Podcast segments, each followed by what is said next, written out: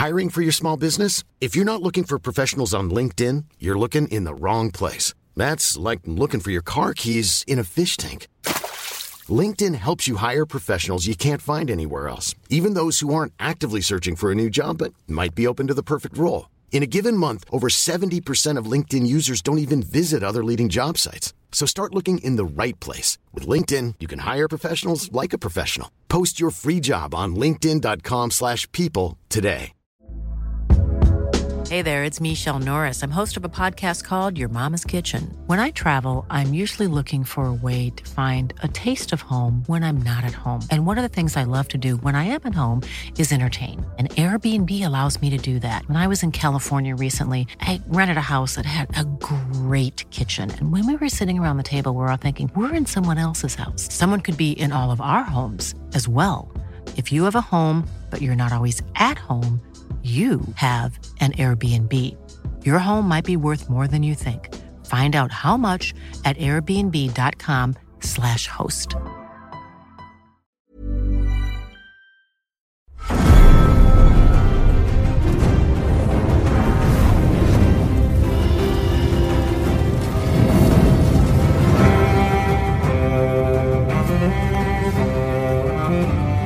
Shoutouts till alla som håller i brösten om man går ner för en trapp och inte har på sig sin bh. Nej, Britta, det är inte den podden. Det här är Game of Thrones-podden jag kom Ja! till. Det är alltså efter åtta år.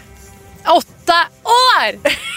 Dags att eh, säga farväl till Game of Thrones-universumet. Kan vi göra det bättre än serien gjorde själva? Vad sa du, kan vi göra det bättre? Kan vi göra det här bättre? Kan vi ta avsked av Game of Thrones-världen bättre än vad de gjorde? Precis. Eh, det, vi, vi kan väl i alla fall försöka. Det Jag tror- borde jag tror gå. Vem som helst skulle kunna göra det. Ja, jag vet. Nu går vi händelserna i förväg som vanligt. Men Ja. vi brukar ju börja med att fråga vad man kanske förväntade sig innan det här avsnittet. Mm. Eller i alla fall vad man, var man lämnades i för känsla från förra, förra veckan. Nej men alltså. Jag vet inte om det här är så efterhandskonstruktion i mitt huvud. Men var det inte lite. Var det inte ungefär så här jag tänkte att det skulle bli? Eller? Alltså du vet, jag, jag, är, jag är värdelös. Jag har jättedåligt minne. Ja, du menar hur du, hur du Hur det skulle gå. händelserna? Ja, alltså händelserna i stort ja. Ja. Ehm, vi, jag väntade mig ju som jag också sa någonting med en mer cool twist. Typ när Arya hämnades eh, Red Wedding. Att det skulle ske via mysticism, att det skulle vara men, twistartat snarare än överdrivet eh, pang på, on the nose. Just det. Som det blev. Ja.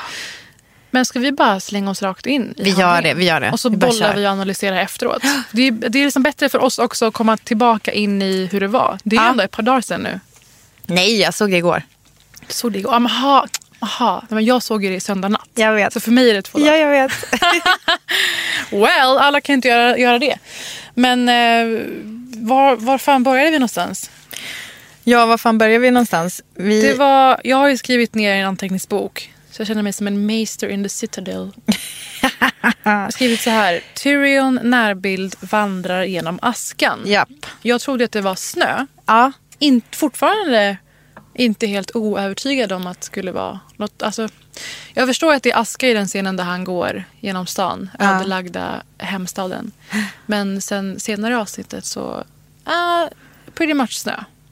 Alltså det var ju väldigt snöigt. De har ju lagt på någon isande vind och sådär. Jag var ju säker på att det var askan redan när vi pratade om det. Den där preview-grejen. Eh, Men sen så var det som att de, det var ju som att de ville skapa en känsla av vinter igen på Ja, något men sätt. de skrev till oss att i och med att The Night King är ond kan det vara någonting att där ondska finns ackumuleras. Att det är så vädret Ja. fungerar Ja. i den här världen. Men han går där igenom. Han, är, han går förbi en totalt brännskadad man och är intakt. Aha. Tyrion, alltså en eh, dvärgaprins, går igenom sin stad där han har varit ganska hatad och föraktad.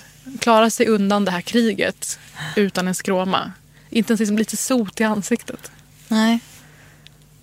Tyrion, nej, bara.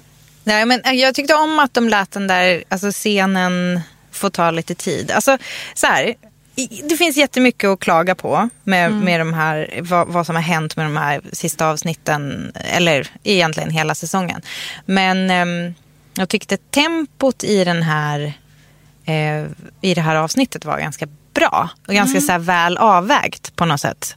Eh, och att den här scenen får ta så pass mycket tid. Alltså det är som att vi också, tittarna genom Tyrions ögon får liksom ta in. Alltså vad fan är det som har hänt? Och fånga andan. Ja, Nej, men jag var... och John den- också inte ja, helt Den kändes bra oviktig. den scenen. Ehm, och sen så ser man ju att han eh, går ifrån den här gruppen med Jon Snow och soldater som är ute och typ inspekterar, kollar, kollar läget efter det här slaget. Um, John föreslår att han ska ta med sig soldater. Det är inte, it's not safe. Ehm, och eh, Tyrion tackar nej för han ska ju på ett litet hemligt uppdrag här som de inte vet om att han har gjort. Ja, de, han- de vet inte. Nej, men han, de vet ju inte om att han har Släpp fritagit sin bror Jamie. för att han ska söka upp Cersei och försöka fly. Det vet de inte. Jaha, jag trodde, ja, förlåt. Jag, eh, De vet ju om att jag- han fritog Jamie, men inte för vilket syfte. Liksom. Nej, jag trodde att han, alltså, jag trodde att det var som en så här, mju- så här gentleman's agreement. Typ att han bara, det här måste jag göra ensam. Och John bara, jag förstår det. Med Men, blicken eh, sa han det. Tyrion tar sig ner där i eh, källaren. Hittar de väldigt snabbt. Han går raka vägen dit. Alltså Ehm, orimligt snabbt hittar han dem. Han går till 7-Eleven i princip. Ja. Går ner där och är liksom mer fysisk än vi sett honom i åtta år. Och liksom karvar sig fram bland rasmassor som hade kunnat dö- döda honom på stört. Ja. Och eh, ja, vad hittar han Britta? Ja, sa du innan, när du satt och kollade, sa du högt för dig själv så här, han kommer hitta handske, guldhanden. Nej, Gjorde du inte? För Nej. jag sa, I called it, liksom, eh, jag, jag har ju en sjukdom som är, eh, som jag ärvt av min pappa, Mm. som är att säga vad som kommer hända. Men det brukar jag alltid rätt. Och det är så här, jag bara, äh, när han går där och bara, i, jag bara, han går dit, ah, han kommer få se handsken. Mm. Alltså du har ju ofta, jag har oftast rätt också. Ja. Men jag hoppades på att han skulle hitta någonting som tydde på att de klarade sig. Väldigt många lyssnade på vår special förra veckan och hörde av sig och var så här, men är de verkligen döda? Ja. För har man inte sett en död kropp i Game of Thrones, det vet man ju inte. Nej, det vet man inte. Eh, och jag har faktiskt, jag måste erkänna att jag faktiskt tittat på det där raset. Alltså man tittade, om man tittar på det igen, alltså det är så här, det är inte supertydligt. Så jag kan lite grann hålla med om den, liksom, ja, den lilla teorin eller vad man ska säga. Samtidigt så kändes det ju väldigt definitivt, just det där såpopera-slutet. Ja, fan. Men det såg ut som att liksom hela jorden rasade i förra avsnittet. Nu ligger de där under ganska ytligt lager sten. Ja, ja, det var bara att flytta på några Ja, klumpar. och eh, lite näsblod. Ja. De såg ut att ha dött av allt damm. Ja. Astma från dammet i rummet. Alltså de, blev, de andades in, svalde fel. Sen gick det. Sen Ingen var det hade någon, inhalator. Nej men båda hade känsliga slemhinnor. De är ju släkt. Alltså jättekänsliga. Ja. Ja, det var kanske lite inavel innan också som gjorde dem väldigt så här, herregud. mottagliga. De dog av det de levde för. Ja. Inavel. Ja, till exempel. Eh, nej, men de ligger där med näsblod och Tyrion eh, gråter. Det är en jättevacker Det var en filmad scen. scen och Mm. film, alltså fint emotionellt. Den här eh, bilden ovanifrån. Väldigt. Eh, erkännande. Kände, typ, kände känslor nu. Mm. Eh, kände inte så mycket när de rasade in. Man bara, för det var så klumpigt eh, regisserat Hastigt, och ja. hanterat. Nu kändes det ändå lite bara, ah, vad fan liksom. Det Men kändes, det är ju, vi, eh, säger- vi återkommer till och det. de låg så nära varandra. Jag vet inte, jag blev Alltså, gripen. Tyrion har lyckats få så många scener att bli äkta. Han gör faktiskt det. Ja, verkligen. Men så han... eh, Besjälar scenerna han är i. Verkligen. Men vi lämnar honom där då. Mm. Eh, John är ute på upptåg då. Man tror att han efter det här som har hänt bara skulle liksom börja tok-konspirera på stört. Ja. Han går förbi några fångna soldater som Danny vill avrätta. Och Grey Worm är fortfarande uppe i någon slags mordisk anda Ja. och blir betjafs. Ja. Eh, och för att han ska, de ska avrättas, först då är John så här, men då går vi till drottningen. Inte för att hon har slaktat en hel stad. Nej, eh, och här, tyck, här tycker jag att det är lite konstigt klippt. Mm. Därför att John kommer där. Och eh, ja, precis, alltså det räcker ju inte. Du, vi pratade ju lite om det innan. I hans roll som medberoende och eh, enabler till sin eh, liksom terrorutövande eh, maka. Nej men eh, respektive. Eh, så han måste verkligen, han måste få typ 80 000 alldeles för tydliga bevis på att hon är sjuk i huvudet innan han kommer göra någonting åt det. Så konstaterade vi förra gången. Eh, men nu är det som att han de här människorna som är uppradade framför Grey Worm som ju såklart är så här hämndlysten från Miss Sunday-incidenten. Eh, och eh, Jon Snow bara, okej okay, jag ska gå och prata med drottningen. Sen kommer han till drottningen. Nej, då, är Grey Worm, då står Grey Worm där. Tjolahopp, ja, dyker han upp. Och ja. sen, men sen så är det som att man får känslan av, det är liksom en till scen efter det som man får känslan av, de har liksom kastat om dem. Absolut. Helt orimliga. Det är något drakexpress ja. man har börjat med. Precis. Någon, någon användning för den här draken ska man få. Ja exakt, men, han men tog bakvägen typ. Men sen så dyker ju då Danny upp i... Alltså jag skulle vilja säga, nu jag som är kostymintresserad. Nej, men det, är en, det är som en blandning av om du har tagit typ all, allt formspråk från the dark side i Star Wars. Typ, eh, ja men säg säg ett, slags eh, fotfolk till eh, Darth Vader, mm. alltså hans gäng. Och liksom Hitler, alltså typ SS-kostym. Mm. liksom. Ja. Där har vi Danny. Brukar man säga? Att det var Giorgio Armani som eh, designade dem? Nej men, Kul legacy att ha. Nej men, han han det. Nej, Hugo Boss kanske det var. Någon av dem som min pappa gillar. eh, men så här, han dyker upp där och Danny ska hålla någon slags tal inför sin publik.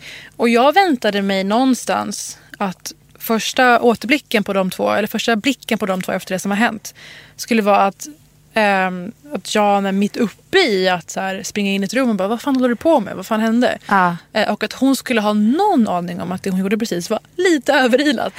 Som när man fått ett utbrott och bara skäms lite. Ah. Nej, hon går fram där inför Dothrakis som plötsligt finns i tusentals fastän man trodde alla dog där ja. vid eh, kampen mot The Night King. Det här är väl också en grej som internet har diskuterat att de, de var typ vad var det så här, alltså det är någon omöjlig matte i det här. Att de var typ 11 000 från början, 8 000 från början och sen så har de dött hela tiden under varje slag så har de dött och inte blivit fler och nu är de 45 000 eller de, de, de ligger ju som fan. Det är väl det som är, ja, men det är väl bara män. skaparnas Det är väl bara tanke. män i den där. De vet inte hur det funkar det där. Ett litet PS. Hugo Boss var det som designade. Ja. Ingen skugga ska falla på ja. Giorgio Armani. Nej, Giorgio Armani är ju också en italiensk designer. Oskyldiga. Ja. Men du vet, ondskans axelmakter. Ja. ja. Nej, men, eh, Daniel drar fram där och eh, håller ett tal på Dothraki. Väldigt talande. Mm. I någon slags glansig lack Trinity Matrix-look. Mm. Jag har en, en överraskning till dig apropå detta som kommer senare i avsnittet. Oho. Specialrep har gjort på detta. Oj, oj, oj. Um, på kostym? Ja, på just denna kostym också. Men uh, när Danny går upp där, chockad att hon fortfarande drar snacket om tyranner och förslavande och slänger in Winterfell i det hela. Ja, Alltså dock på Dothraki så John verkar inte förstå. Jo fast hajar de inte till? Alltså är det inte som, för hon säger så här, Winterfella eller någonting Aha, som det. Han kanske hajar till ja, lite. Jag tycker att det kommer han en bara, blick. Jag antar att hon säger att hon ska skona Winterfell. I hans dumma lilla you know nothing. Nej, men han har ju, han har ju sin smelling the fart min där. Ja. Alltså han har ju en misstänkt, en rynka i ögonbrynen. jag trodde hon skulle gått upp där och bara, ja hörni, nu blev det inte som vi hade tänkt. Men jag vill bara förklara att jag var tvungen att ta en annan väg. Alltså i alla fall acknowledgea steget ifrån liksom hela grundtanken med hela hennes välde. Och var så här, ni vet jag, jag körde på det här med liksom att vara någon slags schysst person. Ja. Jag bara kom på där på draken att vi skiter i det. det hade varit mycket mer rimligt. Uh, hon går upp där och pratar om att break So I was on the dragon and I thought about it. And så var, så var det hennes... Nu snabbgooglar jag ett citat här som jag kommer att tänka på från eh, Batman. Och det är detta väldigt kända som är You either die a hero or you live long enough to see yourself become the villain. Och det har ju använts om de flesta korrumperade hjältar i tv och film mm. sen dess. Man bara sen dess, 2009. Mm. Um, jag tror att hon motiverar sina handlingar för sig själv. Och jag hade någon lång prata i för, förra specialen kanske om, att, om Kapten Klänning. Alltså människor som är ett föredöme för någonting eller driver en kamp blir så övertygade om att de är centrala för förändring. Att de lyckas motivera även ganska pissiga handlingar hos vissa aktivi- aktivister man vet. Alltså de gör ganska pissiga grejer men i tron om att men jag är ju en underdog, det är mig det är synd om. Så det motiverar att jag gör som jag gör nu. Eller vad fan tänker hon? Mm. Jo, men det låter ju rimligt. Alltså, tar hon inte med att hon bara, jag för, jag, har jag, okej, jag kan ha hittat på det här för jag har inte lika noga, noggranna anteckningar. men eh, att hon säger att hon nu har friat liksom, king, folket i Kings Landing. Någon gång säger man bara, vilka är det du har befriat? Menar du de som ligger i, kol, alltså i kol, förkolnade Alltså jag skrev upp raddor längs eh, stadens gränder som inte finns längre. Nej men här blir mina anteckningar ganska rabiata. Det står nazist med stora bokstäver. Ja, exakt. Att hon tänker att hon har befriat dem från den här tillvaron. Även om de är döda så är de fria. Alltså att man, att hon har gått, kommit så långt i sin perverterade syn på sin roll. Liksom. Ja. Och sen är det ju dags för Tyrions stora eh, honorable moment. ja. Vad tyckte du om det? Eh, blev jätterädd att han skulle dö på fläcken. Ja. Vilket många har påpekat att det hade varit eh, rimliga. Alltså typ att folk tycker att om man skulle vara true till serien. Att, ja. Men det som hände var att han går fram där, eh, har bestämt sig innan redan vad han ska göra. Eh, väldigt eh, drop the mic-aktigt. Tar av sig the hand-pinnen och släpper den i trappan. Kastar ut den så alla ska se. Och hon säger att han har förrått henne. Och han säger I freed my brother. And you slaughtered a city. Svarar Daenerys på det här? Nej. Det hade varit ett så bra tillfälle att förankra hos oss vad det som pågår i henne. Att hon hade varit så här, they had a choice. Eller så här, någonting. Men ingenting kommer, de får bort honom. Och John Ja, står du bara menar dumt att du och tycker ser liksom på. att det var lite tunt att man inte får... För jag, tänk, jag tänker liksom att det är brist hos henne för att hon har inte riktigt, hon har släppt. Hon har släppt all rimlighet och är bara, och hon bara liksom le, ehm, hon, är ju, hon handlar ju i affekt och i affekt har man ju sällan eh, argument. Det kändes som ett postaffekt-ögonblick dock. Ja. Men det var tydligen inte det än. Och sen något annat från Tyrion där. Eh, när han och eh, John träffas i hans lilla kurragömma. Kurragömma, i hans lilla håla. Hans lilla kurragömma. Ja. Han bara, är det, har du dunkat eller är det fritt fram? Nej men de bara, nej men vi håller honom vid liv och sätter Ja. honom i den här, eh, i den här hålan. Eh, John kommer in där ehm, och Tyrion säger I suppose there's a crude justice. Now Varys ashes can tell my ashes. See I told you. Det tycker jag var ganska bra. Faktiskt. Och som sagt Tyrion har varit genomgående den som har någon slags nivå eh, i serien. Men sen det som händer, de bara slänger olika liksom, catchphrases på varandra. Om eh, plikt och kärlek och död. Typ. Alltså John och Tyrion i Mm. den scenen. Ja, jag har antecknat Wouldn't you kill the one that stood between you and paradise? Säger eh, Tyrion till John. Mm. För han försöker få honom att fatta.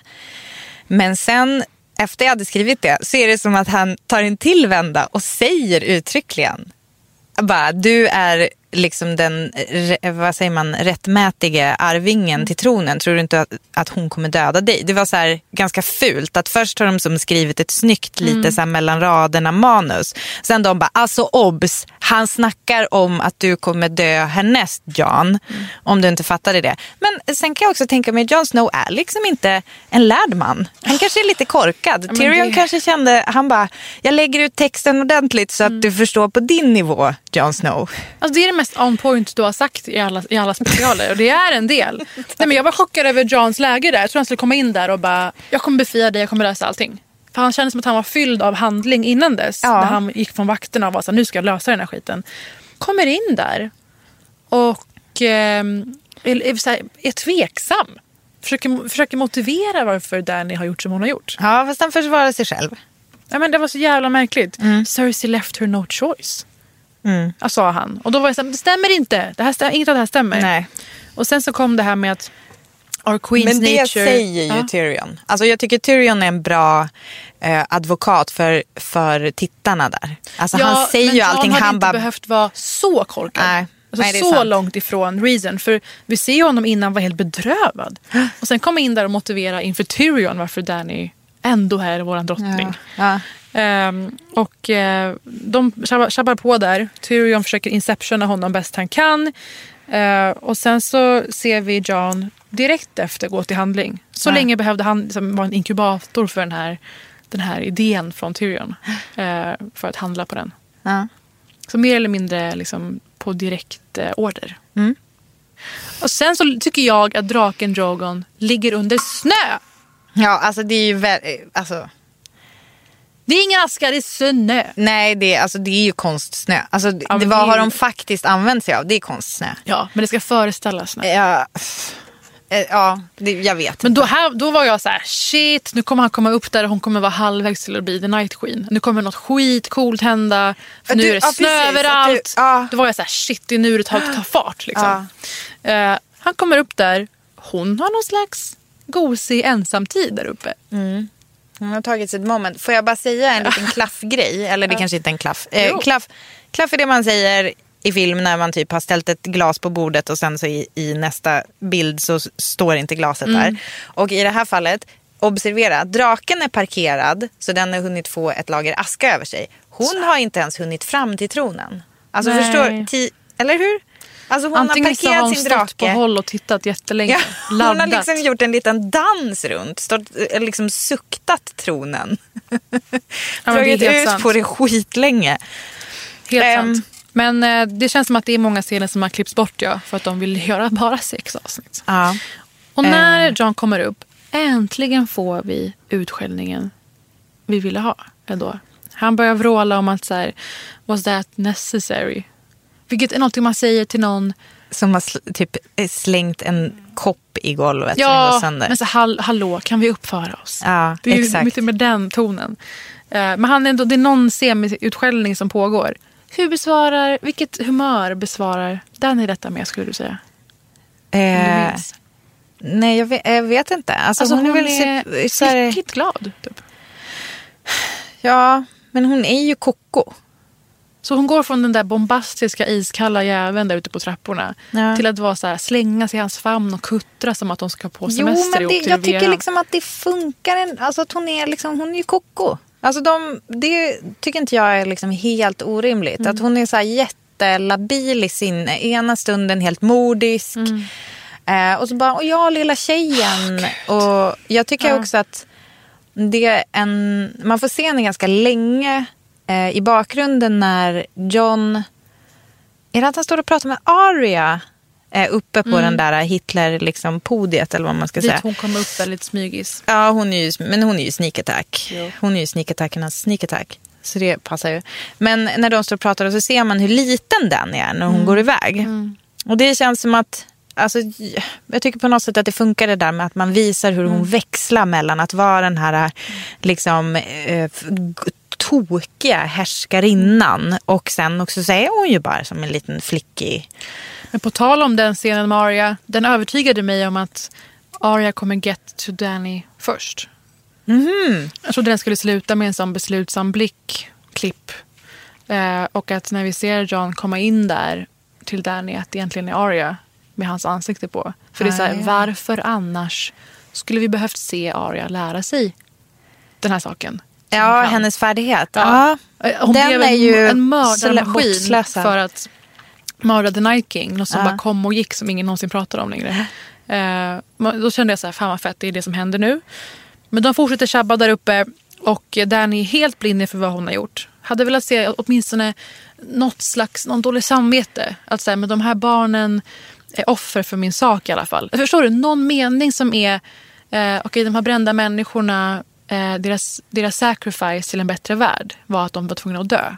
Mm, förstår du? Bara den Ja. meningen hade gjort det till en så mycket bättre final. Just det. Jag har skrivit om episoden för mig. Ja, jag förstår. Men det, det är ju det man får lust att göra. Och sen så, rätt som det är så är vi framme vid eh, ja, ögonblicket Tv-historiens äckligaste kyss. det är en kyss. Det, det är ändå en ganska ömsesidig kyss Ja, fast ja, det är det ju. för en gångs skull. Men äcklig, alltså känner inte du så här äckel? Jo. Alltså på samma sätt som, nej men alltså du vet hon är ju så, men det är jag så var så här, motbjudande allting. Var jag och så så, ska de okej. så börja hångla och så är det liksom någon så här sinnessjuk liksom kåtma som typ uppstår i hennes så här, eh, härskar... Men hur många gånger kåthet. behöver hon bli avfärdad? Alltså hon verkar ju, liksom hon inte kan ta in brutala massmord, tar inte heller in att han har avfärdat henne två gånger innan. Utan Nej. Non-consensually slänger sig på honom igen. Ja. Ehm, och då var jag så här, okej det är inte Arya. Men Arya kanske ser det här och tvingas döda dem båda. Jaha. Fett, fet final tänkte jag. Nu kör vi. Ja. Och då blir det att John säger You are my queen. Now and always. Och vad händer sen? Sen så sticker han kniven i henne. Mid-kyss. Ja. Det var, Mitt, mi, alltså mitt det var starkt Parisa. Han utnyttjade hennes kåtma för att mörda henne. Han använde hennes kåtma emot henne. Det är korrekt. Det är helt sant. Men, men alltså jag menar, för när vi nu har kommit fram till det här. Alltså, eh, det som, alltså känner du så här, typ att, att John, för alltså han, visst han skäller ut henne liksom lite mesigt. Men det är ju som ändå, om man, när man nu vet att det var hans, hans plan var ju ändå liksom att komma henne nära.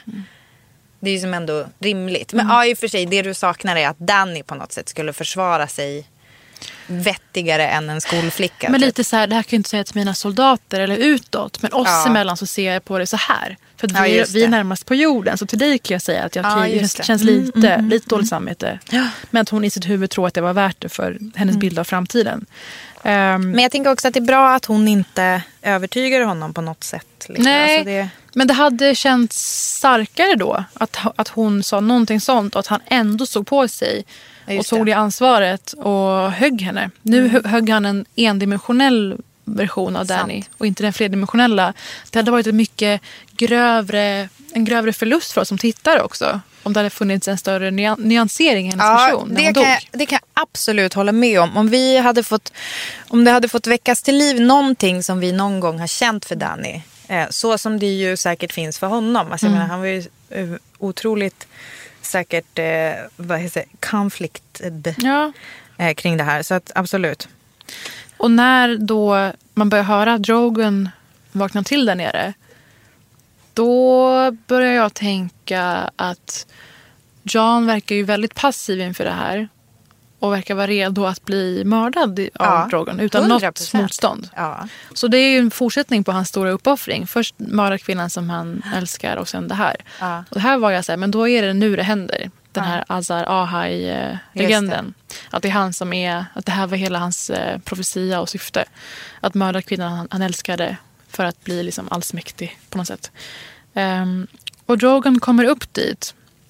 Och jag vill bara läsa, jag vill bara läsa ur The New Yorker. Får man göra det i den här podden eller? Alltså, det har vi aldrig gjort förut. Och eh, där finns min favorit-tv-skribent Emily Nussbaum. Jättekul att följa på Twitter också.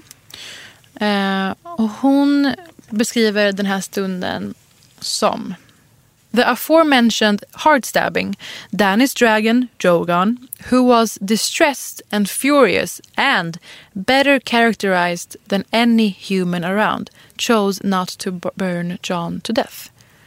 Hon säger alltså att den här scenen med draken, draken är mer karaktäriserad. Alltså har alltså en fylligare jag än vad människorna i den här säsongen har fått. För att det händer så mycket i draken i de här scenerna. Och vi uppfattar det som tittare. Hans Ja. kval och hans val. Ja, ja. Jag tycker det var starkt som jag, vill, fan. alltså, jag vågar inte riktigt hålla... Alltså, alltså hon, nu är- nu skriver hon är ju raljant. Hon är ju raljant. Men jo, jo, jo. Precis, men det är liksom någonting som jag kände lite så här Jar Jar Binks-aktigt med den här Mm. draken. Alltså det här att ha liksom en lite tramsig karaktär som är C- CGI Jaha. som kommer in och ska vara... Nej men du vet, alltså vadå att den skulle helt plötsligt, nu bränner jag ner den här tronen. jag tycker det var så jävla starkt. Tyckte jag du det? Att, jag tycker att den här scenen med draken var fantastisk. Är det att, sant? Eh, draken sörjer sin mor. Ja. Otroligt övertygande, starkt och nyanserat. Utan ett enda ansiktsdrag. Alltså du bara i, i rollprestationer, etta Brienne of Tarth, tvåa Drogon. Emmy-nominering. Drogon. Sluta! Oh, men just, vänta nej men den bara, åh nej jag är ledsen. Alltså det är ju bara för att det är en fucking drake som man kan lägga på att det var så här välspelat. En flygande reptil lyckades bättre än någon annan. Den bara, titta på henne och så bara, titta på John, titta på tronen och så bara, Alltså hur skulle dra att draken är så pass smart Nej, men det händer så mycket. att den kan räkna ut att det är den där jävla tronen. Den har väl aldrig sett Det är tronen nu förut? det händer. Hur bra Titta, förstår Det är den? nu det händer. Att CGI, alltså datagenererade bilder och Alltså AI det är Uncanny Valley. skapar bättre rollprestationer än vad människor kan. Vi befinner oss i Vi befinner oss i Uncanny Valley. framtiden! Ja men det är ju det. Alltså det, det Uncanny Valley är ju när, man, när, man, när det är liksom, eh, datorn är för bra. För, alltså det är för övertygande typ. Jag menar på att nu har de gått om oss människor i, roll, i rollprestationer. Ja. Vi har haft våra jävla pjäser i tusen år. Hur fan långt tog det, det oss? Men i alla fall, han bränner som sagt tronen som du säger. Nej nej nej. Då måste du säga hela. Draken har alltså Ja. utifrån att bara ha hängt med Danny under lång tid fattat att det är något med the iron throne. och sen bara kommer det är draken dit och så bara, är det det här ett iron throne? Men drakar är inget djur. Vad är Det den är ett då? magiskt väsen. Som en trollkarl eller en häxa. Hur fan vågar du? Det här är ju absurt. Ja men som sagt, Drogon Emmy-nominering. Superklok. Okej, det ser vi fram emot. Och ser också fram emot ett välskrivet tacktal som också på något sätt belys, alltså, säger att liksom fler måste få finnas och synas on screen. Även magiska väsen som en reptiler. drake. Men i och med att eh, Drogon då lyckades med sin lilla eld bränna ner tronen. Vi ser all den flytande metallen. Smälta den. Ja, I like eh, melting skulle kunna things. smälta Emmy-statyetten med andra ord. Absolut. Men eh, eh, Emily Nussbaum på The New Yorker skrev This was an aggressively literal act of literary and political criticism, a flaming suggestion to end the hereditary monarchy business. Alltså att draken på något sätt gör en väldigt storartad eh, symbolisk handling i att bränna ner det som får alla att strida hela tiden. Du, du tycker att det är orimligt? Nej men det tycker jag, alltså så här, eh, om, man om man tänker på, eh, om man går tillbaka till det jag har lyckats läsa till mig om böckerna utan att läsa böckerna, att just eh, George R.R. Martin, varför är det två R? Tönt! Tönt. ehm, har gjort så att man, alla som vill åt tronen straffas. Som The Ring och ringen. Ja, exakt. Ja. Och det är ju, så att på det sättet så, alltså det är ju, det är ju väldigt så här, jag tycker att det var bra att tronjäveln försvann. Och det var kul att det var Drogon som gjorde det. Ja. Eh, och det var som att han var så här förbaskade hierarki. eh, Jag tänker så mycket, alltså Drogon har så rikt alltså, Ja. intellekt. Alltså jag känner så här, för mig är det liksom inte Alltså att Drogon är så här, typ sexig. Utan det är mer liksom Drogons hjärna som jag känner mig alltså Drogon skulle av. kunna ha en podcast med Liv Strömquist och Ola Söderholm. 100 procent. Sitta och liksom irritera sig över makt, makt i samhället Jajamän. och strukturer. Men det de skriver om det här med Drogon sen, eh, att de älskade den här scenen. Jag väntade mig att, men om det hade stämt det här med legenden om Jon Snow, att Drogon sen hade allierat sig med Jon.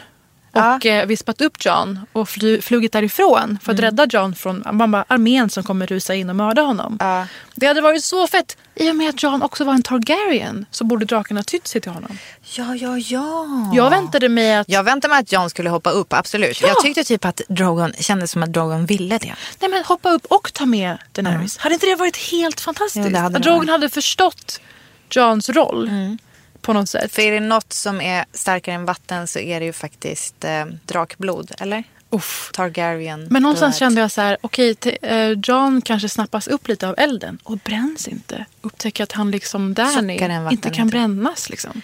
Ja, men jag hade det. tusen eh, förhoppningar i den här scenen. Inget infriades. eh, han drog iväg där med Danny och eh, det är klipp ut där. Ja. Jag trodde vi nästa scen skulle få se eh, rummet stormas av soldater. Och att då skulle John på något sätt stå på sig för en gångs skull och vråla I am the promised one. Eh, my name is och sen dra hela faderuttan. Han har ju inte lika lång titel som Danny men vem hans föräldrar var, vem han är och så här, dragit något brandtal om att ni måste ha känt att någonting var fel i det som hände precis. Eh, bla, bla, bla. Och fått med sig de här. Så jag var helt beredd på att så här, nu kommer nästa grej vara att John har liksom fått med sig de här typerna på sin sida. Ehm, istället får vi se Tyrion i hans lilla håla va? Mm. Det är ju klipp till, tidsklipp. Ja, vi får inte alls se vad som händer med John Nej. efter att han har mördat eh, the, alltså, Queen of the Seven Kingdoms. Liksom. Tidsklipp. Och då byter vi Tidsklipp. sida, som på kassetter. Då är det helt enkelt eh, ny scen och eh, komedi. Och komedi. Ja, Du menar Tyrions castaway-skägg? Tyrions castaway-skägg, eh, spelet sinsemellan i det här. Ja, men så här, Tyrion får komma ut ur fängelsehålan Ja. som du kallar för kurragö- kurragömmat. Göm- lilla göm- gömman. göm- Lilla gömman.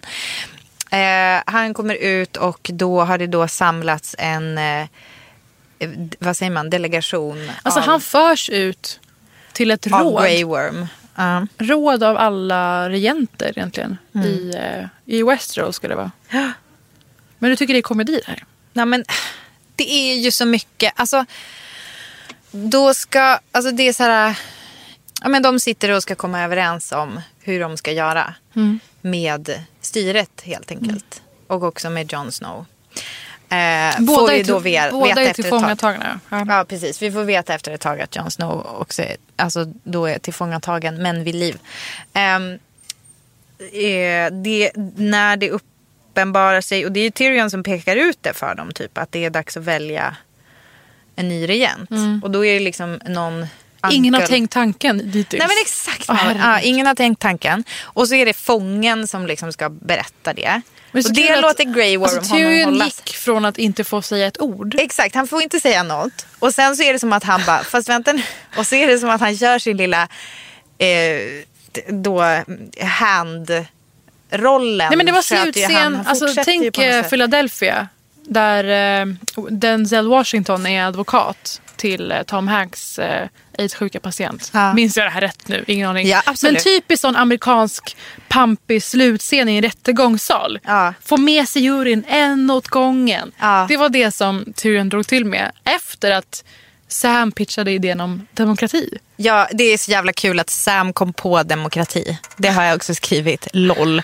Men det är det jag menar med att det är som en, en komedi. För att då när det uppenbarar sig att oj, här är det så här, oj, någon kan bli vald till kung. Eh, Då är det någon som ställer sig upp, någon uncle, som börjar så här, eh, argumentera för sig själv. Och så säger Sansa, det är ju som haha, att hon bara, eh, sätt dig ner. Ja, men det Och- var och så då- kul och bra. Ja men det var bra och då tjoar man ju till lite grann. Tjo, tjo. Den nivån Ehm, av humor är godtagbar. Ja, men sen så då slår han i svärdet och är lite fumlig och sätter sig. Och sen samma sak, alltså det är det jag menar med så här, eh, ibland att det ska vara lite papphammar, exakt. Eh, och då sen när, när Sam ska eh, komma på det här med, tänk om folket kanske kan få bestämma, att folk bara Nej, hur skulle det vara? Va? Sverige om 50 Skratt. år, Ja. beroende på hur det går i EU-valet på söndag. Glöm inte rösta kids. Glöm inte rösta, jag ska poströsta för jag är Jag med. bortröst. Jag är rädd för människor. Uh, Tyrion, ehm, eh, det var lite Mad Men-pitch över hela tycker jag också. När uh, Don Draper i Mad Men ska pitcha för en ny kampanj för Lucky Strike. Ja. Och så drar liksom något tydligt anförande och bara, vem har den bästa storyn här inne? Who has a better story? Ja. Och då, då väntar man så här, när som helst nu. Ja. När som helst nu. Kommer han säga Sansa? Ja! Eller hur? Finns det någon som inte tänkte så här, det här är så jävla bra att det här händer och att det händer så här. Ja. Hans exfru som hon älskar. Jag vet, jag vet. Och hon har precis varit någon slags skuggdrottning. Hon har övat och tränat på det här. Ja, men alltså, hon är ju den som, hon, hon har ju den rollen. Alltså hon, hon har liksom vuxit in i, hon är en drottning över the seven kingdoms utan att liksom ha titeln typ, i bara hur hon är. Och det vore så rimligt, exakt som du säger med tanke på att det är hans exfru. She's seen some shit. Det är det. Hon har en bra story. Det blev ju det bästa mimet av Game of Thrones tycker jag.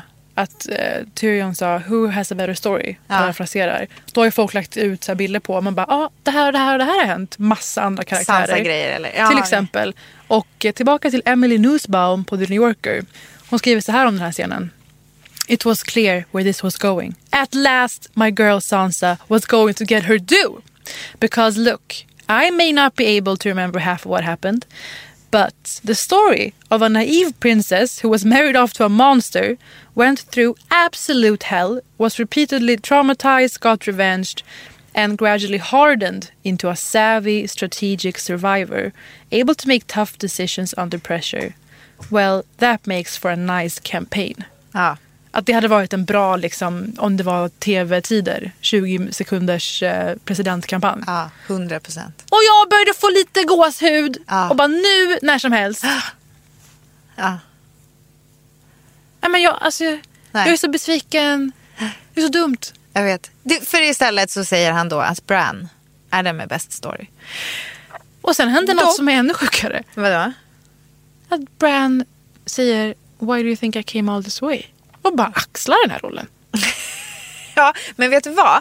Det, det som är grejen med det där, det enda som jag kan göra för att rättfärdiga det här, det är en sak som jag ska säga strax. Först ska jag bara säga så här. Att rent manusmässigt, ma- de hade ju varit tvungna att göra något av Bran. För att han har ju bubblat upp nu, alltså vi har ju inte sett honom på så många säsonger. Eller han har liksom haft en, eller han har haft en parentesroll i alla andras handlingar. Ehm, och det, det kändes som att fan ni måste knyta ihop den här jävla Bran-säcken, absolut. Men, då, och då skulle jag vilja bara säga att den enda anledningen att liksom utnämna honom det är ju just för att han inte vill ha tronen. Alltså man ska göra det true till George, alltså så här, de, de som är ute efter, de som är mest kåta på makten, de går det dåligt för. Bran vill absolut inte riktigt ha den. Jon Snow vill inte heller ha den. De har liksom, det, det har kunnat stå lite mellan dem kan jag känna om, utifrån den teorin. Men sen så kan jag tycka att Sansa är liksom den mest naturliga Alltså, i den rollen. Vad jättebra- fan ska Bran göra som kung? Jättebra inspel apropå det här att makt korrumperar eh, folk. Tack för cred. Och att, ja men verkligen. Och att det är det som är George hela fundament i historien. Men för att lägga in bröst. bara lite olika saker. Det och bröst. Eh, och rödhåriga. Eh, en kompis, Jasmin Jaja, som är en ihärdig Game of Thrones-tittare, eh, la upp det här från säsong sju. När Sansa berättar för Bran att You're the Lord of Winterfell now. Minns ni detta? I Winterfell sitter de och snackar i snön. Och Bran svarar med sin sväviga röst. I can never be Lord of Winterfell. I can never be Lord of anything. I'm the three-eyed raven. Ja. Kommer du inte ihåg det? Stupid ass Sansa. Ehm, så han har på den här säsongen, på en säsong, Ja. eh, gått från att känna att han är någon slags övernaturligt väsen. Då, då. Han är the three-eyed raven, inte ens mänsklig. Till att deklarera, varför tror du jag kom ända vägen hit? varför, varför tror jag tog på mig min bästa? Skulle aldrig ha iddats annars. Varför tror jag Turbo fixade min rullstol? Ja. För jag är här för detta, den här skiten. Nej, men det var så jävla märkligt. Och som sagt, det hade inte känts lika märkligt om de hade förankrat det här lite bättre. Nej. Att Brand kanske hade varit lite mer delaktig i de här råden inför krigen. Att han hade, ja men någonting som Ja. hade...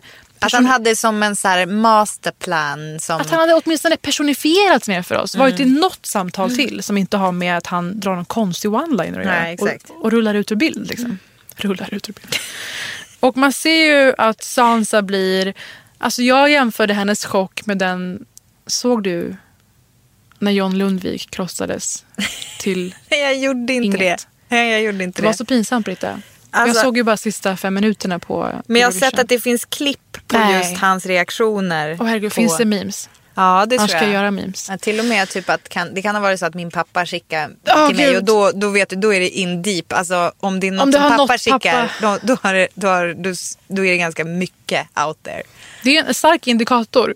Om det har nått pappa i Umeå, då vet man. Gud Alltså han är han är. ganska, ja, alltså, jag vill, to be fair, alltså han är ändå journalist så han är Han är ju på cool. internet. Han är också cool. Ja. Nej men, Men cool. eh, ja. så det hände var att eh, han fick jättebra poäng där av juryn. Så det är någon slags frame by frame ögonblick mellan honom och Nederländerna. Så är det sista poängen ska delas ut till Sverige. Och Italien har precis fått 400 poäng. Sverige behöver typ 250 tror jag. För att vinna. Och jag känner så här, jag vill inte att Sverige vinner. För vi har inte råd med den skiten. Jag och Britta har program att göra. Vi kan inte lägga alla pengar på Eurovision, okej? Nej det är fan sant. Det, hotar vårat jag satt där och jobb. bara Ja. skrek på tvn, snälla nej. Det pinsamma som händer då är att Nederländerna har en stil som är lite så här, ja vad som händer, händer, händer. Då vi går och, man bara skulle precis skoja om att gå och röka gräs efteråt. Ja. Ehm, och John har en stämning som är Um, han sprallig i hela kroppen, skakar händer med sina kompisar. Det är Tom Cruise på Oprah när han berättar hur kär han är i Kate Winslet. Herregud. Eller Kate... eh, Jag klarar inte av, vet du vad, det är så många, alltså, så många känslor, stämningar, sinnesstämningar klarar jag av men inte den. Det är så jag kan inte hantera den. Och han är Jag kan beredd inte på titta att på den. nu kommer liksom himlen explodera. Det finns fyrverkerier förberedda för mig nu. Och så upp säger de 93 points. Och man hinner bara se, det är ganska länge, tre sekunder av att Johns hjärta stannar. Och han är chockad, förvånad, halvt ifrågasättande i, i ansiktet. Det, det har du sett. Mm, alltså, jag, har sett, jag har sett stillbild. Liksom. Och det var jag Mm. och alla andra när han sa att Brand ska bli kung. Och att Brand bara, well mister, I'm up for it. Men ingen förankring i någon historia. Nej. Alls. Nej, superkonstigt. Det som, det som jag tycker räddar den, det liksom förfarandet ändå. Det tycker jag ändå är att Sansa bara... Nej men eh, så The North vill inte vara med. Nej. Vi är en egen, vi är egna. Passning till Skottland. Tänker jag. Alltså du vet det är så här bara, det känns som att det är någon slags eh, så här allmän, alltså så här, vi har varit det i typ hundratals år eller som vi har varit typ tidigare och sådär. Jag vet inte, jag får bara en känsla av att så här, eh, liksom olika, eh, det känns som att det funkade. Det var ju starkt och också var, lite jag, blev nepotism. besviken. jag personligen blev besviken. Men jag tror att Sansa är ganska nöjd. Nej, för jag hade, jag hade gillat om de bara, att han bara Sansa. Och att hon hade varit såhär, glöm det. Den reaktionen hade warranted för mig. Att hon skulle ändå kunna gå runt den här teorin om att politik och makt korrumperar bara. Att hon hade varit lite anti. Och att hon kanske hade sagt, jag tycker vi gör som Sam säger. Det med demokrati låter fett. Ja, ja. Bra, Eh, man bara, Ja. jag skriver om den här serien åt er as I go. Ja men du får ju vara med när, när det blir en Kickstarter för det kommer det ju bli. Ja. För där, eh, det blir liksom en fans tillvänd sista Jag säsongen har en istället. grej om det. Ehm, någon säger, jag ska tänka vem. Jag tror att det är John som säger, för sen så upplöses det här rådet och alla är nöjda och glada med lösningen på något sjukt sätt. John ska tillbaka till The Night Watch, kommer de fram till. På något sätt så har Bran och, Sar och Sansa ingen makt över ett gäng på 2000 personer. The Unsullied. Alltså det är så konstigt och också så här, typ har ni dragit, alltså har ni förklarat ordentligt att han ändå är typ den Ingen. rättmätiga arvingen? Ingen har sagt det till någon. Nej, det är Ingen har sagt det till någon. Det kommer inte upp på rådet, det kommer inte upp någonstans. Det är jättekonstigt. Och att de inte skulle kunna bara säga till Dan Solid, ni får det, det här slottet. Gå, Ja. gå och ha kul. Ni får tillbaka era kukar. Vi löser det till er alla, var och en. Nej, Tänk John ska tillbaka till The Night Watch och ingen ska veta om var han kommer ifrån. Och i avskedet med Tyrion, först och främst, så säger, så säger John så här, gjorde jag rätt sak verkligen? Eh, och Tyrion svarar, ask me again in ten years. Ja just det. Och då skrev jag ner Punkt, punkt, Twin, punkt. Jag skrev ner Twin Peaks i anteckningarna. Oho. I Twin Peaks så säger ju Laura Palmer vid ett tillfälle i det här eh, The Red eh, stugan där. Full disclosure, har inte sett Twin Nej Peaks. men det här är väl känt. Inte det minsta. Hon säger någonting om Ja, ja, det är inte känt ändå. in 25 years. Jaha okej. Och det blev ju den reunion, Ja, ja, eller nej, ja. eh, revival som kom för bara ett par år sedan av eh, Lynch. Och då kände jag så här, är det det här de gör nu? De lämnar oss med det här gapande hålet för att vi om tio år ska vara så jävla eh, svältfödda på någonting mer. Liksom. Så det tycker jag var första Ja. hinten om någon vidare följning. Ehm, och sen så tycker jag att det här avskedet från Arya, Sansa och Bran var supermärkligt. Stämningen var när någon åker ut ur Paradise Hotel och, får- och folk ska säga farväl till den personen. Det var ungefär samma tyngd i det. Det är så här, vi åker på en bar- barturné ihop om tre veckor. Ja. Vi ses då. Ehm, vi ses på klamydiamottagningen nästa helg. Vi ses då. Första tisdagen i september. Folk liksom är lite ledsna och gråtiga för att de är omogna idioter och förstår inte att ni är med i ett realityprogram på tv. Men är ändå så här, ja men vi ses. Ja. Lycka till där ute liksom. Och det tycker jag var hur de sa farväl till John efter allt som har hänt med The Night King, med Danny, med vad fan det nu är. Att han ska ut och åka lite. Och att de typ kommer ses snart. Eh, och här var en till spin-off-vibb. Såklart när Arya säger att hon ska ut och åka väster om Westeros. Ja. Var inte det väldigt tydligt så här, aha, det här kanske kan bli en spin-off? Alltså, Tycker du inte det? hoppas. Tycker du? Det vore Hoppas. kul faktiskt. Alltså svinkul. Alltså, de, alltså jag för, ja. Alltså det lägger ju upp, det är ju en ganska kul, eh, ett kul typ av äventyr liksom. Ja, men det var ganska övertydlig eh, hint till Du tittarna. tyckte att det var övertygande. Jag, jag plockade inte upp det. Jag kanske hade liksom ch- checkat ut höll jag på att säga. Jag var helt Ja, utmattad jag av det. att det var sista minuterna. Men jag tycker det var väldigt fint det här Mm. när, när de, återigen, fan av korsklippningar. Mm. Nej men alltså när vi får se, vi får se Sansa göra sig i ordning för eh, drottning eh, rollen liksom, Ja. i The North. Det är den Eh, scen som folk verkar vara mest nöjda med. Alltså hur jävla snygg outfit har hon inte? Nej, men och har smidigt smitt, smätt en liten Smätt. krona. Smitt en liten krona. Tänkte du att hon gjorde den själv? Nej, men hon, innan hon åkte, sent a raven, Ja. have my crown ready. Så här tänker jag mig. Ja, Tänk exakt. tiaran från Dianas bröllop. skicka iväg en liten duva. Eller korp. Ja. Ehm, och sen har vi, eh, ja men precis, och så Aria på sitt eh, liksom absolut. Typ eh, så här, jorden runt på 80 dagar. Mm. Det var lite mer heartfelt, det avskedet från John, mellan John och Arya. Det var, de har också varit närmare verkar det som. Men och sen John då? Ja, och innan vi ser var John slutar upp så får vi hänga lite med Brienne. Just Och det tycker jag var faktiskt väldigt kul, Ja. den scenen. ja. Eh, berätta vad, vad som hände eller vad du tyckte först. Vänta, är det när hon sitter och skriver i boken eller? Hon skriver i boken över riddare, Book of, Book of Brothers tror jag att det heter. Eh, det är en annan tv-serie. Jaha. Nej jag skojar. Band of Brothers. Band of Brothers. Nej men eh, hon, hon sitter och skriver, ska skriva typ in i liksom deras riddarencyklopedi Mm. typ om hur Jamie Lannisters liv slutar. Eller liksom en liten resumé av vad han gjorde. Man tänker att hon ska skriva He was a little fuckboy. Du borde ju- göra ett sånt meme. hon är ju Du borde nobel. photoshoppa. Ja, men det är det största memet på internet nu. Ja, är det det? Olika Aha, akter för vad hennes hon skriver. Typ. Hon skri- Eh, istället så gör hon lite det som mediemän gör med sina egna Wikipedias. Alltså glorifierar eh, livshistorien något enormt. Ja, men, också, even so, kände du inte ändå lite att, nej, alltså vid de sista orden, he died protecting his queen. Jo, det tycker jag var fint. Eh, och det går också i linje med det här att man så finner sig att man, när man älskar någon som är ganska fucked up. Att man också tar strider för den personen och ansvar för den personen in i det sista. Och att Ehm. omgivningen förskönar. Ja, Han var, jag- jätte, han var jättesnäll när han var nykter. Ja, gud. Det stod Det där. var jag som var jobbig. Det var det hon skrev. Det var bara för att jag, det var bara för att jag var liksom lite, lät för mycket när jag De, de andades. två gånger vi hade sex var jag inte bra. Ehm, nej, men de två gångerna räckte tydligen. För hon ville lämna hans eh, arv och historia väldigt eh, fint sätt, nobelt sätt i den här boken. Men det är ju ändå, jag tycker också, alltså, nu vet inte jag om jag läser in för mycket, men jag tycker också att det är så här, så funkar väl historieböckerna också, att liksom jävligt mycket är jävligt förskönat. Liksom. Och om man tänker på vad det du. beror. Här Här kommer jag. Nej men här kommer jag att dra det. Nej men eh, alltså så här, eh, vänta nu, för det här är ju, det, det är väl baserat på verkliga händelser Ja. förr i tiden. Absolut.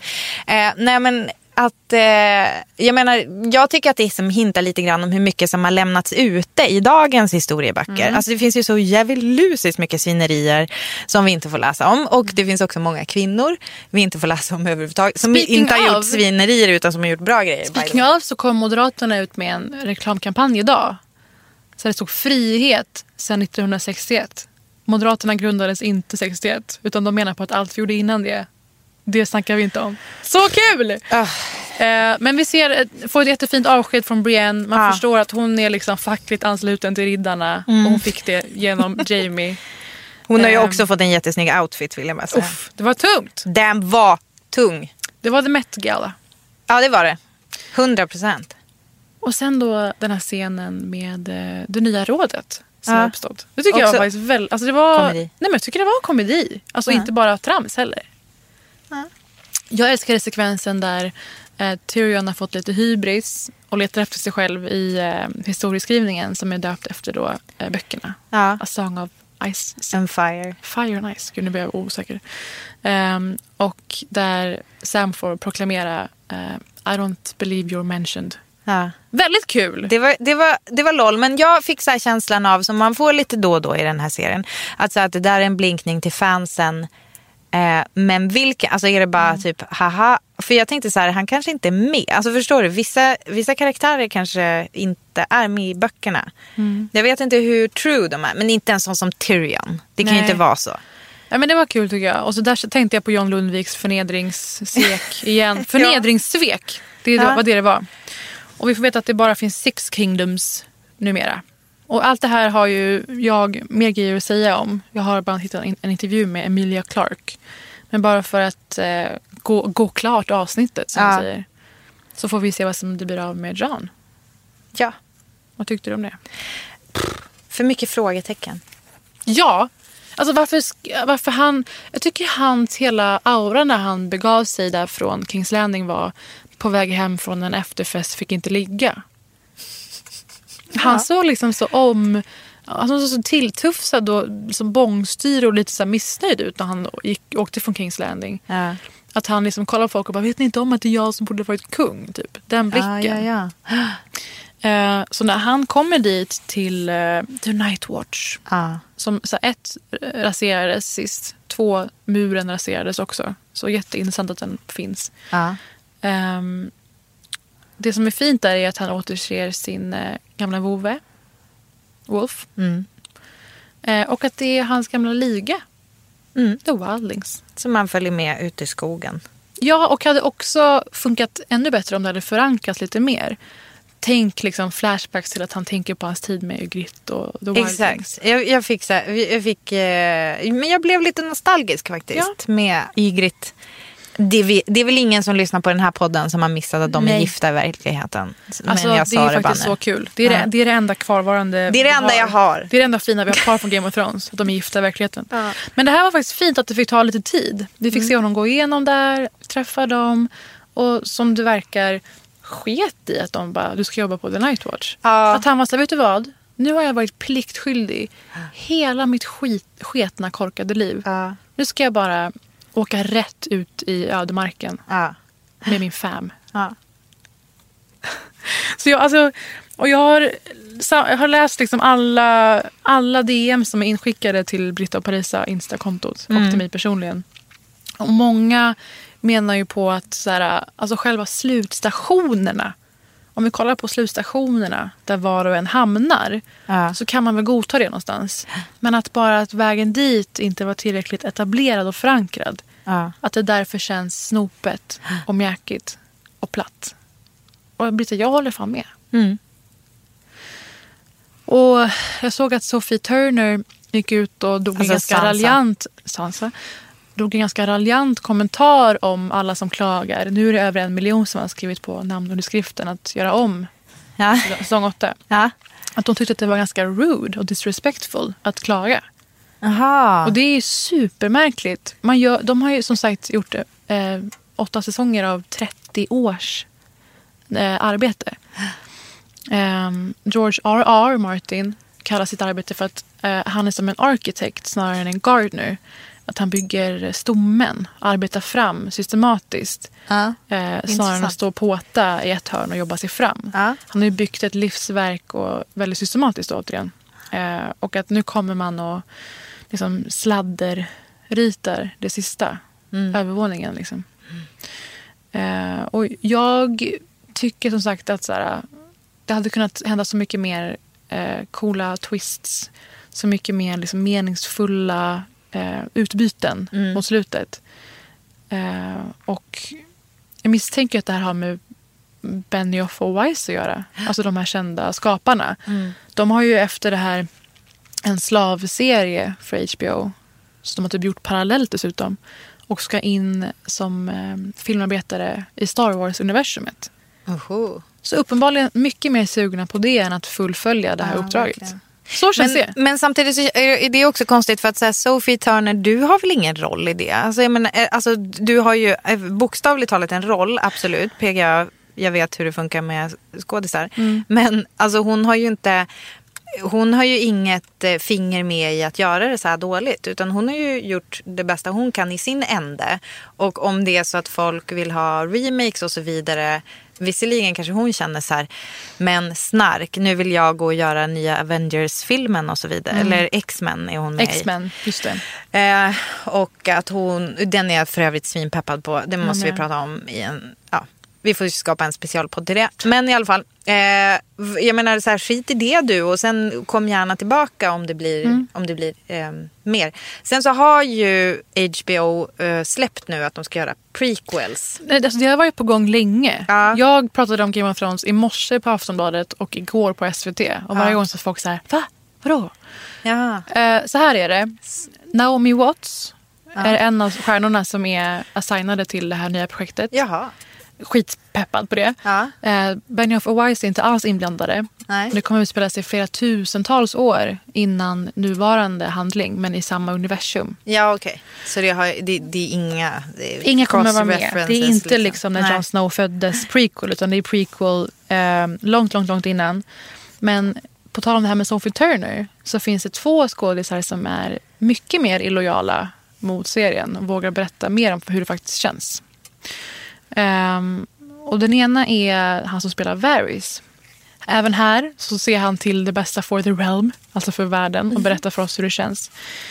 Eh, han säger he's felt some dismay over how season 7 and 8 unfolded. Uh, that's been my feeling the last couple of seasons. It was kind of frustrating. As a whole, it's been overwhelmingly positive and brilliant. But I suppose the last couple of seasons weren't my favorites. Starkt. Ändå i Varys sätt. Ja, lite. Han kanske har liksom absorberat den personen i sin riktiga person. Ja. Och sen den andra är ju självaste Emilia Clarke. Oho. För jag tror vad som händer nu är att liksom efter Friends, som jag numera kallar vänner, så har folk olika liksom, eh, ljus framtid. Ja, okej. Mm. Vi har ju Jen Aniston som fortfarande är en av Sverige, eller världens mest påkostade. Ja. Eh, hon, hon tjänar mest typ. Det är hon och Jennifer Lawrence. Ja. Eh, och sen har vi typ han som spelar Ross. ja. Han som spelar Ross. David Schwimmer. Exakt, förlåt. Eh, och jag tror att det också gör att man är olika trygg i att berätta hur man känner. Ja. Eh, självaste Danny, alltså Emilia Clarke, kom ut med en jätteintervju i The New Yorker samma dag som eh, det här gick ut då, finalen. Eh, rubriken Daenerys tells all.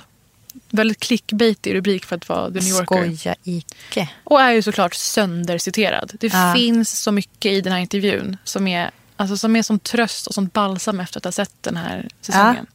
Tänkte läsa upp några grejer. Ja, om du är tack. peppad. Japp.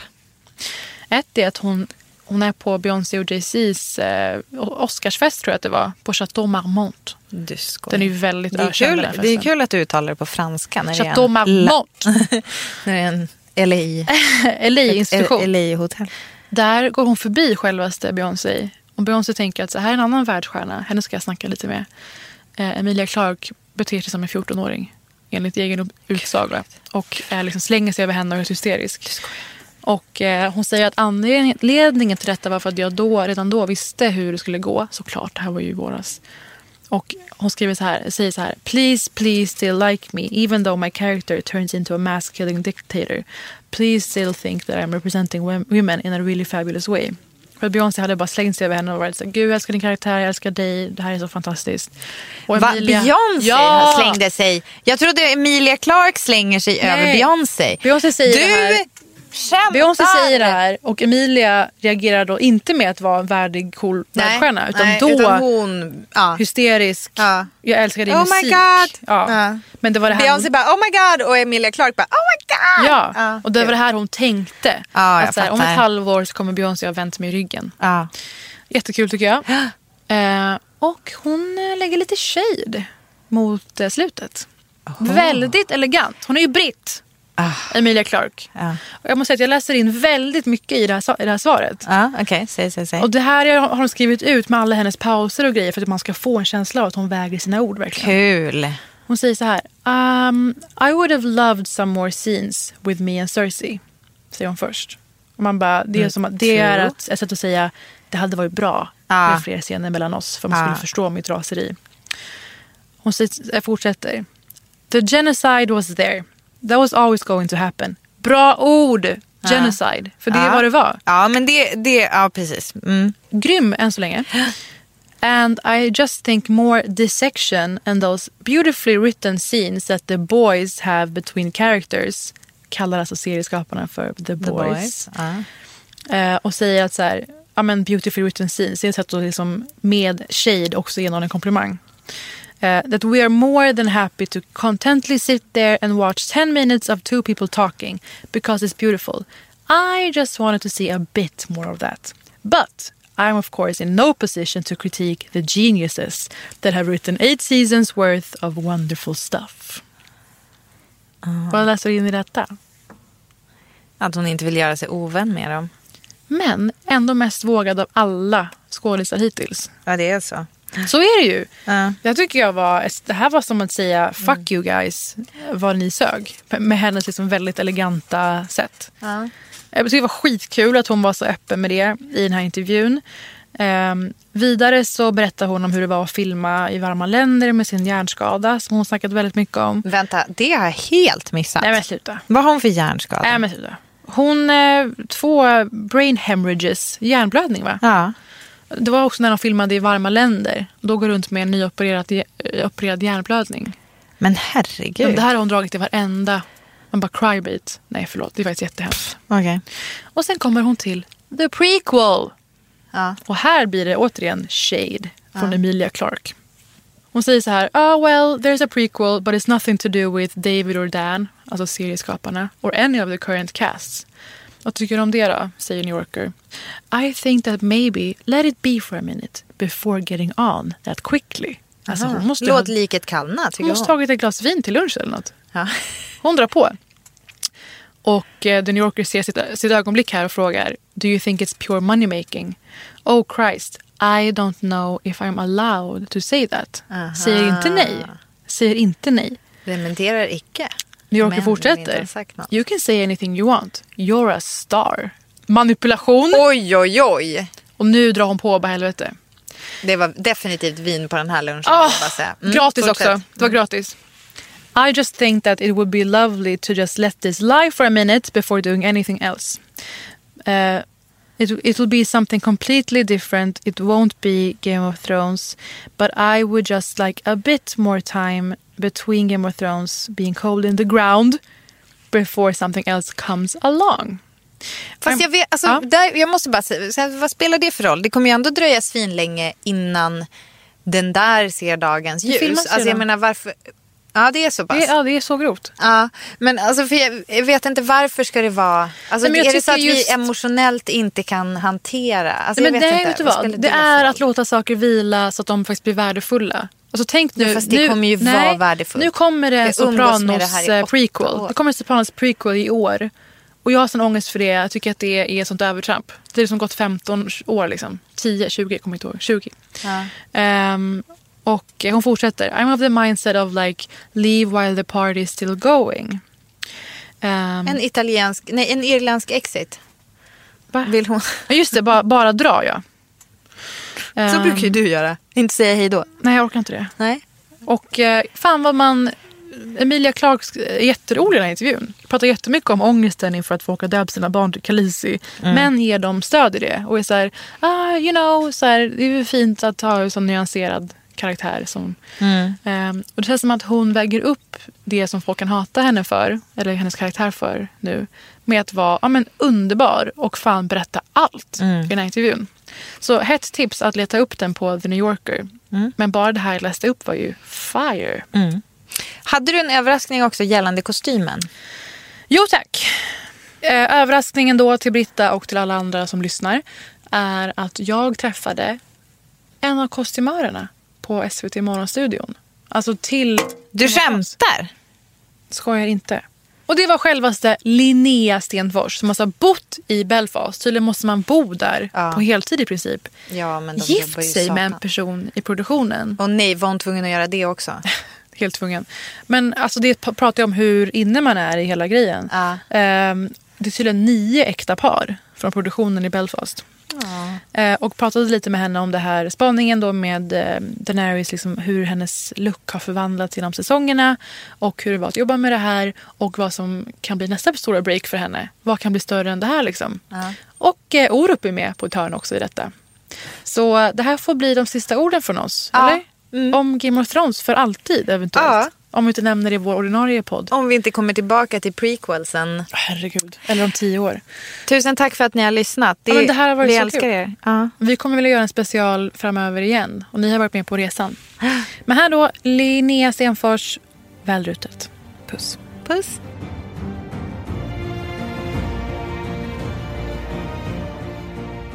Hej! Hej. Du var precis med i Morgonstudion. Ja, Hur precis. kändes det? Ja, men det var spännande. Ja. Ja. Du har blivit en nationalhjälte. Det är det som är intressant, hur ni samarbetar med manusförfattarna och serieskaparna i stort. Vi pratade om att kostymerna avslöjar en del om karaktärernas utveckling och hur deras personlighet håller på att antingen bli mer brutala eller mer modiska. Vi pratade mycket om Danny, att hennes eh, kläder blivit mer röda på sistone. Och eh, nu i sista då, så är hon plötsligt kolsvart för första gången, eller? Ja, men jag tror det handlar väl lite om hur man läser in eh, en eh, personlighet i kostymen. Kostymen skapar ju, i, min mening så skapar ju kostym och, och smink och hår en karaktär. Annars är de ju bara en skådespelare. Så att eh, där är det ju eh, i, sam, i samråd med skaparna av serierna så, så har vi ju också satt en färgkod genom hela, eh, hela säsongen eller varje säsong egentligen och hur de går från det här blåa, skira, oskuldsfulla liksom och, och sen då nu när hon eh, blir så arg att det då reflekteras i kostymen. Och det var också lite lackstämning. Trinity Matrix nästan. Vad har det här betytt för dig i ditt liv, Game of Thrones? Och hur känns det nu när det är slut? Ehm, nej men det har ju varit, det har varit mitt liv.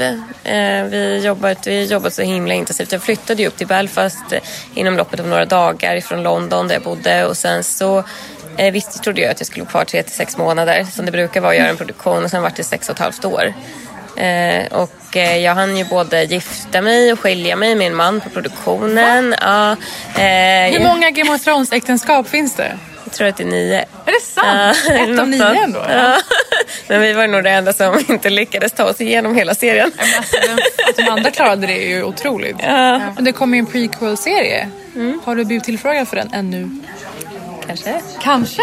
Nej men jag, eh, jag, kommenter- eller jag väljer att inte eh, kommentera mer på det. Nej, men jag, förstår det. eh, men jag jobbar med så himla mycket annat just Vi i podden, vi har våra aningar. Dels måste dina, dina rates ha skjutit i höjden efter det här med Game of Thrones. Men alltså efterfrågan måste vara enorm. Ja, nej, men det, det är svårt att hinna med. Så att jag måste prioritera och jag känner också liksom att man har ju gjort Game of Thrones. Så jag vill ju också jobba med min verksamhet och, och mina, min specialitet och bara utvecklas och göra mer andra saker. Och då, så jag jobbar också med Netflix-produktion nu som är ny, eh, första säsongen. Eh, s- eh, som jag inte får säga vad den heter. Men eh, den, är, den är, kommer snart att lanseras. Men blir du kvar i London då? Hur ser det ut framöver? Eh, nej, jag bor i Stockholm. Du bor i Stockholm nu? Belfast till Stockholm. Ja. Är det, är det en eh, okej transition? Det var ju lite eh, annorlunda. Alltså det, jag tror att man var inne i den där bubblan. Liksom, där, så post-production depression fick man ju. Men sen så, Stockholm är ju Stockholm. Jag har ju min familj och mina vänner här. Och, eh, inte det en Orup-text? ja, Stockholm, ja, kanske det är. Har jag min familj? Ja, faktiskt. Men, Men, eh, men det är men fråga så här. Om eh, casten. Alla är ju nyfikna på skådespelarna. Vem känner du dig närmast efter det här? Eller vem gillar du mest? Alltså jag, eh, jag vet inte. Jag har jobbat längst eh, med Christopher Hivju eftersom han var en av, de- hans kostymer var en av de första som jag gjorde. Och han har ju haft den kostymen, eller i alla fall Alltså Tormund. Ja, Tormund ja. Mm. Jag jobbar med så himla mycket annat just nu. Så jag, nej, men jag jobbar med, dels är jag föreståndare för kostymservice på Kungliga Operan. Eh, ja, så det är ju, har ju, där är jag ju hela tiden. Och sen så jobbar jag också med, eh, mitt, driver mitt eget företag. Så att jag jobba med modehus eh, i hela världen. Typ. Mycket kunde, jag jobbar mycket med New York och Italien. Var ska man följa dig om man vill följa ditt arbete och veta mer? Eh, på, jag har mitt Instagramkonto, eh, Linnea Stenfors Costume. Som jag, där lägger jag upp eh, flera gånger dagligen. Jag har lite live-feed och så. Och sen så har jag min hemsida eh, som är linneastenfors.com. Vad spännande, tack så mycket. Mm. Och god morgon. Det är 07.42 nu.